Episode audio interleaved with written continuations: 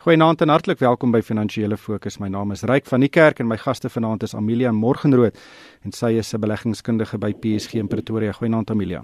Goeienaand Ryk.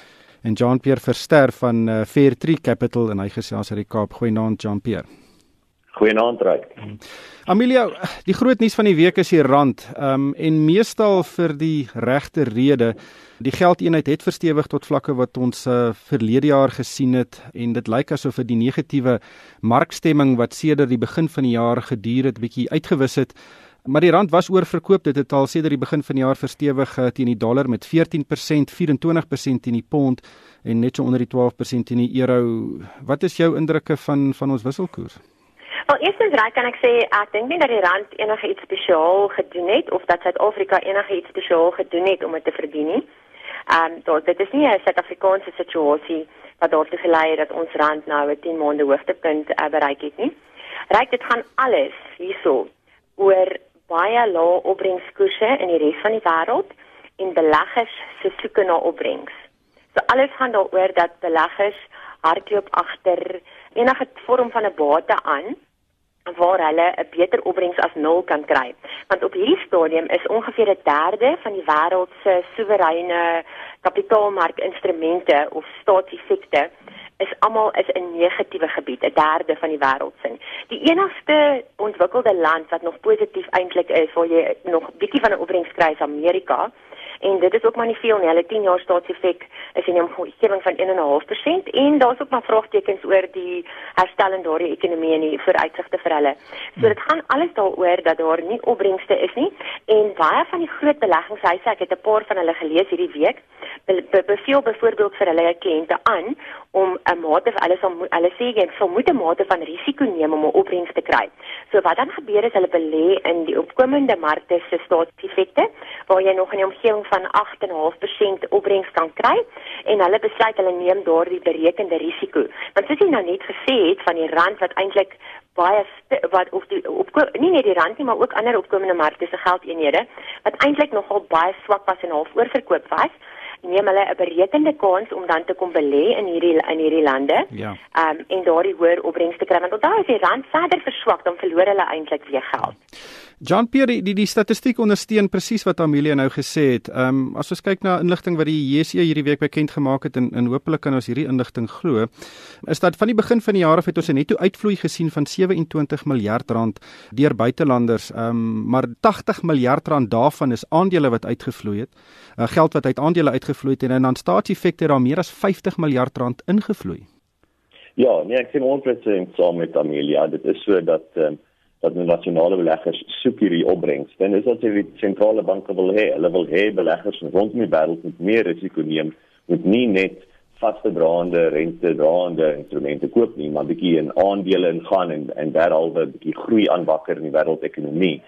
So dit is 'n tendens wat mense sien dat internasionale beleggers nou weer terugkom na ontleikende markte markte toe.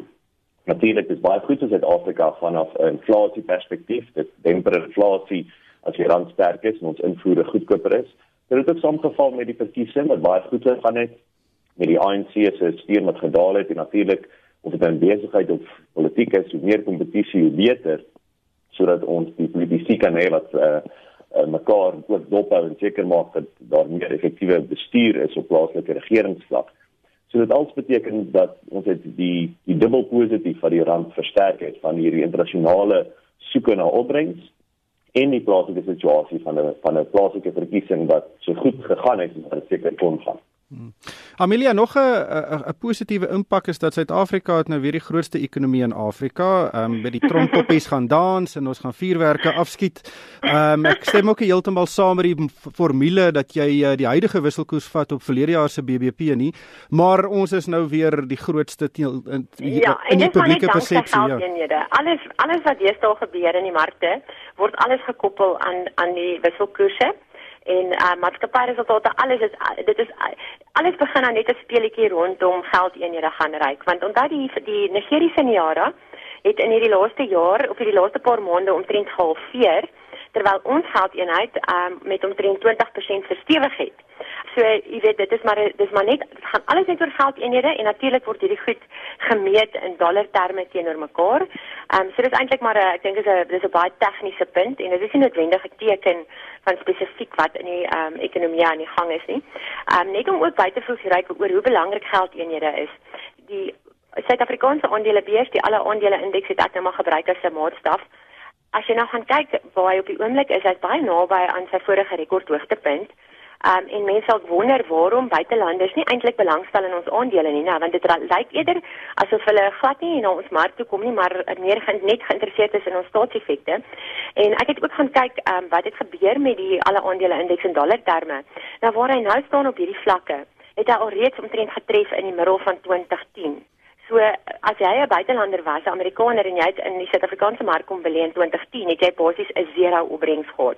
En van sy hoogtepunt af wat hy bereik het 'n jaar of twee gelede, um, in dollar terme, is omtrent seker 'n goeie 20% laer van daardie af. So ek kan duidelik sien dat die buitelanders is baie skrikkerig vir die vir die aandelebeurs en vir ons aandele en dat hulle meer geïnteresseerd is in daardie ehm um, weet 8% 8.5% wat hulle kan kry by die staatseffekte. So so gaan dit nou reg oor die wêreld dat alles gebeur, alles gaan net oor geld eenhede en alles ja. word natuurlik gemeet teen die Amerikaanse dollar. Jean-Pierre, ons het gesien hoe die geldeenheid tot oor die R17 in die dollar verswak het na ehm um, Desember verlede jaar. En toe begin weet finansiële raadgewers weer vir vir mense sê luister vat uit jou geld die rand gaan nog verder val. Um, nou die doen die rand basies dieselfde as wat hy gedoen het in die vroeë 2000s. Baie mense het hulle geld uitgeneem teen uh, wisselkoerse wat hoër as as as 14 of selfs 15 rand. Hoe moet beleggers nou kyk en dink oor uh, die jongste verstewiging van ons geldeenheid? Ja, ek dink dit is weer eens 'n belangrike les wat beleggers geleer het, veral diegene wat groot geskrik het in Desember. Nou was rede om groot te skrik, maar toe as gevolg wat gebeur het, uh, baie van hulle geld uitgevat het op baie swakker uh, koerse teenoor die dollar en ander geldeenhede. En die les daarin weer eens is dat mens kan nie die toekoms voorsien nie. Jy kan nie noodwendig weet in 'n kristalbal wat gaan gebeur, waarheen gaan geldeenhede gaan nie. En daarom moet mens altyd voorsiening maak vir die onvoorsiene vir geldinge wat versterk en verswak en dat al van portefeuilles saam te sit en mense persoonlike hoedanigheid en ook as daar pensioenfonds trustees wat dink die pensioenfonds wat hulle oogie oorhou dat mens nie soos hulle in Engels sê one way bets neem nie dat hulle nie net vir 'n een sekere uitkoms 'n portefeulje posisioneer nie. Om nie al jou geld so te posisioneer dat dit net al goed doen as die rand verswak maar dit ook sleg doen as die rand versterk nie om te dink aan jou toekomstige uitgawes vir aftrede byvoorbeeld as dit in rande gaan wees of 'n groot deel van jou beleggingsbates wat in rande wees en om geen ekstreme posisies in te neem om te, om net te posisioneer vir vir 'n sekere uitkoms nie. Dit was die les gewees. So dink weer eens waar ons nou is.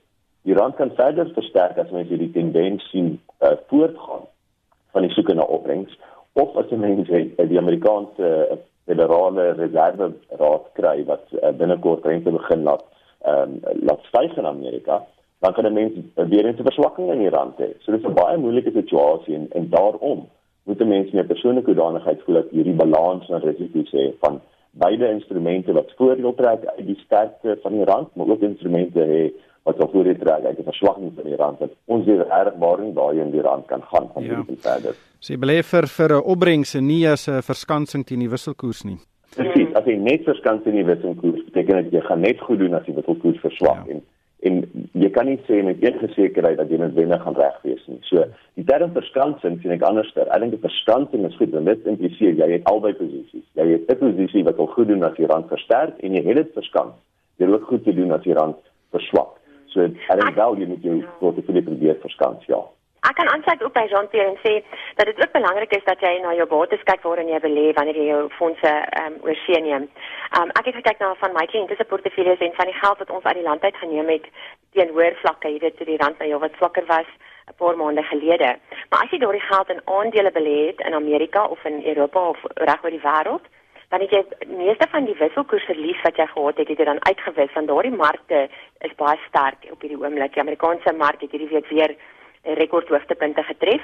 Hoewel dit klein bewegings is um, van die weet van die van die rekordhoogtepunte, is daar van die aandele wat geweldig baie goed vaar. So jy kon van jou wisselkoersverliese uitgevee het as jy dan in die regte goed belê het. So is ook baie belangrik om te kyk waar in jy belê wanneer jy jou geld oorsee neem. Dit help ook nou nie jy sit dit in 'n geldmark in die buiteland waar jy 0% opbrengs kry nie.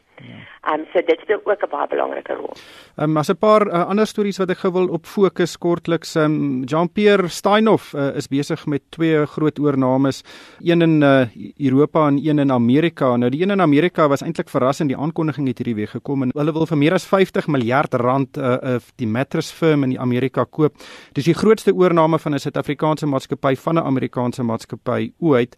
Wat dink jy van hierdie transaksie of be beplande transaksie?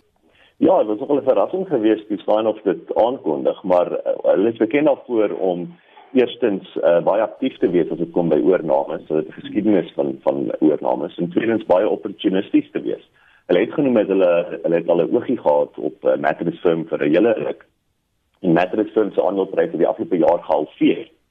So dit meer as 'n 100% premie aangebied vir die aandele, maar as jy teruggaan 'n jaar gelede, is dit rondweg die prys wat teen Mattress Firm 'n jaar terug verhandel het. En dit is 'n baie groot uh, oorname en Mattress Firm het 'n baie goeie posisie in die Amerikaanse uh, matrasmark waar hulle omtrent 'n kwart van die kleinhandelmark in in matrasspesialis kleinhandelaars ehm um, uh, besit. Uh, die verskillende handelsname waarin hulle handel dryf in Amerika. En onthou dat Steinhoff vertikaal geïntegreerd is. So hulle besit uh, uh, kleinhandelaars soos Conforama in Frankryk en Benson for Beds in die Verenigde Koninkryk, maar hulle besit baie van die fabrieke wat hierdie matrasse vervaardig. So nou dat hulle wel die kleinhandelaar intenen gaan besit uh, in Amerika deur Mattress Firm, kan mense sien die volgende stap kan wees hulle matrasfabriek kan opstel in Amerika en baie vinnig kan die die produksie van daai matrasfabriek ingaan in die kleinhandelaar uh, in wat hulle dan ook besit. Liewer as wat hulle fabriek oprig en dan moet eers gaan soek vir 'n koper vir die matrasse wat hulle produseer. So ek sien strategies hier as 'n as 'n goeie uh, transaksie van Steinhoff. Onthou dat matrasse is baie spons, dit's baie lug, dis so hulle is groot, hulle weeg nie swaar nie en 'n spesifieke tipe produk wat nie baie ver kan reis nie. Want die uh, vervoerkoste, hulle groot komponent wees vir iets wat baie volume opneem, maar nie baie swaar is nie. Ja. So dit maak sin om om wel die kleiner laag te besit en dan kom die produksie daarna. En dit is iets wat hulle in die Verenigde Koninkryk gedoen het en uh, ek sien dit hierdie as 'n as 'n uh, voorbuur van daai selfde strategie. Ja. Die een in die Verenigde Koninkryk Bandland en so is 'n klein bietjie meer aanbied vir aktivis uh, verskansingsfondse wat gesê dat die vorige prys was nie hoog genoeg nie en hooplik nou dat dit hulle finale aanbod is sal daai transaksie ook weer gaan. Dit is heelwat kleiner as Mackinstone, maar beide hierdie transaksies het tot positief gestaan of en sal 'n uh, positiewe toevoeging wees op hulle verdienste vir aandeel. Amelia, dis 'n interessante strategie wat Steinhoff volg. Nou ek het mm. baie respek vir Marcus Jooste en Christo Wiese. Hulle is uitstekende entrepreneurs, maar hulle het nou hulle wou vier aan ehm um, oornames doen. Twee van hulle lyk of hulle nou gaan deurgaan. Is dit 'n situasie van uh, 'n uh, seentjie wat in 'n lekker goed winkel sit, daar's R20 in sy sak en dit brand nou, hy moet goed koop nie. Wel, dis 'n manier om daarna te kyk, reg, maar ek dink ehm um, ek dink hierdie uh, oorname van Madrid se hoewel dit effens duur lyk, ehm um, veral as jy gaan kyk na na ehm um, na die winste wat voorspel word vir ehm um, Madrid, dit is sodat hulle aandeleprys gehalveer het in die laaste jaar, maar dit is ook met rede, dit het nie so goed gegaan met die maatskappy nie. Is sy waardasievlakke on, ongeveer dubbel soveel as sy ehm um, ewe knie um, in Amerika. So hulle betaal 'n redelike prys daarvoor, maar jy weet ons het ook nou al geleer in Amerika veral, as jy nie 'n premie gaan betaal nie, dan gaan jy nie dit nie vir jou moontlik wees om daardie oorname te doen en gaan die aandeelhouers dit nie aanvaar nie. En hulle wil ook waarde vir geld hê, jy weet, as 'n aandeleprys halveer as gevolg van ehm um, weet 'n situasie waar hulle dalk 'n slegte jaar het, dan is aandeelhouers nie bereid noodwendig om minder te aanvaar nie. So ek dink strategies is hierdie 'n baie belangrike oorname wat Steinhoff doen. Ons moet onthou dat dit is die grootste matras uh, uh, besigheid in Amerika. So hulle kom daarin met 'n groot gejuig in Amerika. En ek dink Ehm um, ek dink Marcus Jooste het hierdie vermoë en daardie maatskappy het die vermoë om hierdie transaksie behoorlik in die bed te sit en die waarde daar uit te kry. Ehm um, ek het self nou 'n klomp goed gehoor by Jean-Pierre ek self nie geweet het nie en dit is baie interessant en ek dink ek dink daar's definitief miskien in die eerste jaar of twee gaan jy nie die nodige opbrengs daar uit sien nie. Ek sien in artikels hulle verwag ehm um, dat die die verwagte opbrengs op kapitaal gaan vir die eerste jaar of die koste van kapitaal hmm. gaan baie swak wees, maar ek dink van daar af vorentoe, dink Steinhoff sit homself nou neer as 'n wêreldspeler, ehm um, nie net in Europa nie. Ehm um, en ek dink dit is dit is 'n maatskappy wat on, ongelooflike potensiaal het om soos 'n SAB Miller te word. Ja. Een van die grootste in die wêreld.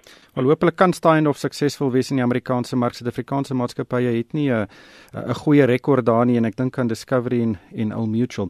Maar Jean-Pierre, die Hooggeregshof het uh, hierdie week beslis dat die SAL moet 'n uh, meer as 100 miljoen rand se skadevergoeding aan Nationwide betaal vir onmededingende gedrag tussen 2001 en 2006 en selfs 'n groter eis kan van Comair volg um, teen die SAL sodat uh, hier is uh, weet die daai um, optrede teen Nationwide het um, beteken dat Nationwide sy deure moes sluit. Um, en hierdie is 'n terugslag vir die SAL en wys watter watter goed het aangegaan 'n uh, paar jaar gelede. Ja, baie teleurstellend reik want op die ou einde van die dag is dit tog publieke geld. Dit is ons geld daardie wat uh, die SAL moet betaal in terme van die boete van onmededingende gedrag en ek dink almal het altyd gedink hmm, dat seker 'n goeie kans dat hulle onmededingend opgetree het, maar niemand kon dit bewys nie en nou het die hof uiteindelik 'n uitspraak gelewer. En as kwam hier saak deur gaan, is dit meer as 'n miljard rand wat hulle eis. So kom maar aandeelhouers kan miskien groot glimlag as hulle suksesvol is, maar dit is net nog 'n slag vir die SAL en vir ehm um, vir vir ons as belastingbetalers uh, se geld wat daai boetes sal finansier. En mense sien self met Kuiberg nou met daai skorsing van die hoof van van Kuiberg dat uh toe toe daar in 'n brief uh, wat uitgelek is wel beweer uh, op op sekere ehm um, feite tot die lig gekom het wat gesê het dat uh, tussen Westinghouse en Arriva daar wel rede is tot kommer vir 'n tender wat daar uitgereik is. So dit voel net asof ons sien die staatsinstelling die afgelope jaar regtig waar nie in terme van die beste koöperatiewe uh, etiek uh, bedryf was nie en, en hooplik kan ons 'n verandering daarin sien vorentoe. Ek ek hoop so binnekort. Ja, dit is Wat wat my baie bekommer raak is dat die graderingsagentskappe gaan sê daarvan want as SAL hierdie boete moet betaal, hulle likwiditeit hulle, uh, is onder geweldige druk. Um, hulle kontantvloei is net nie daar nie. Daardie ehm um, waarborge van die regering van 15 miljard wat in plek is, is bykans ehm um, uitgeput. Ehm um, so saam met hierdie Westinghouse storie van en Eskom, dan wonder mense net weet wat gaan die graderingsagentskappe daarvan sê want dit was een van die baie belangrike kriteria wat hulle in gedagte hou wanneer dit kom ehm um, by die gradering van ons ehm um, soewereine ehm um, status. En jy weet hulle hulle herhaaldelik gesê dat die staatsbeheerde instansies gaan moet hervorm word en hulle spesifiek van SAL ook gepraat. Ehm um, so dit is dit is nogal iets wat my ja. baie bekommer. Ongelukkig hierdie tyd ons ingehaal. Baie dankie aan Amelia Morgenrood van PSG en Jean Pierre Verster van Fairtree Capital. En van my ryk van die kerk, dankie vir die saamluister en ek hoop almal het 'n winsgewende week.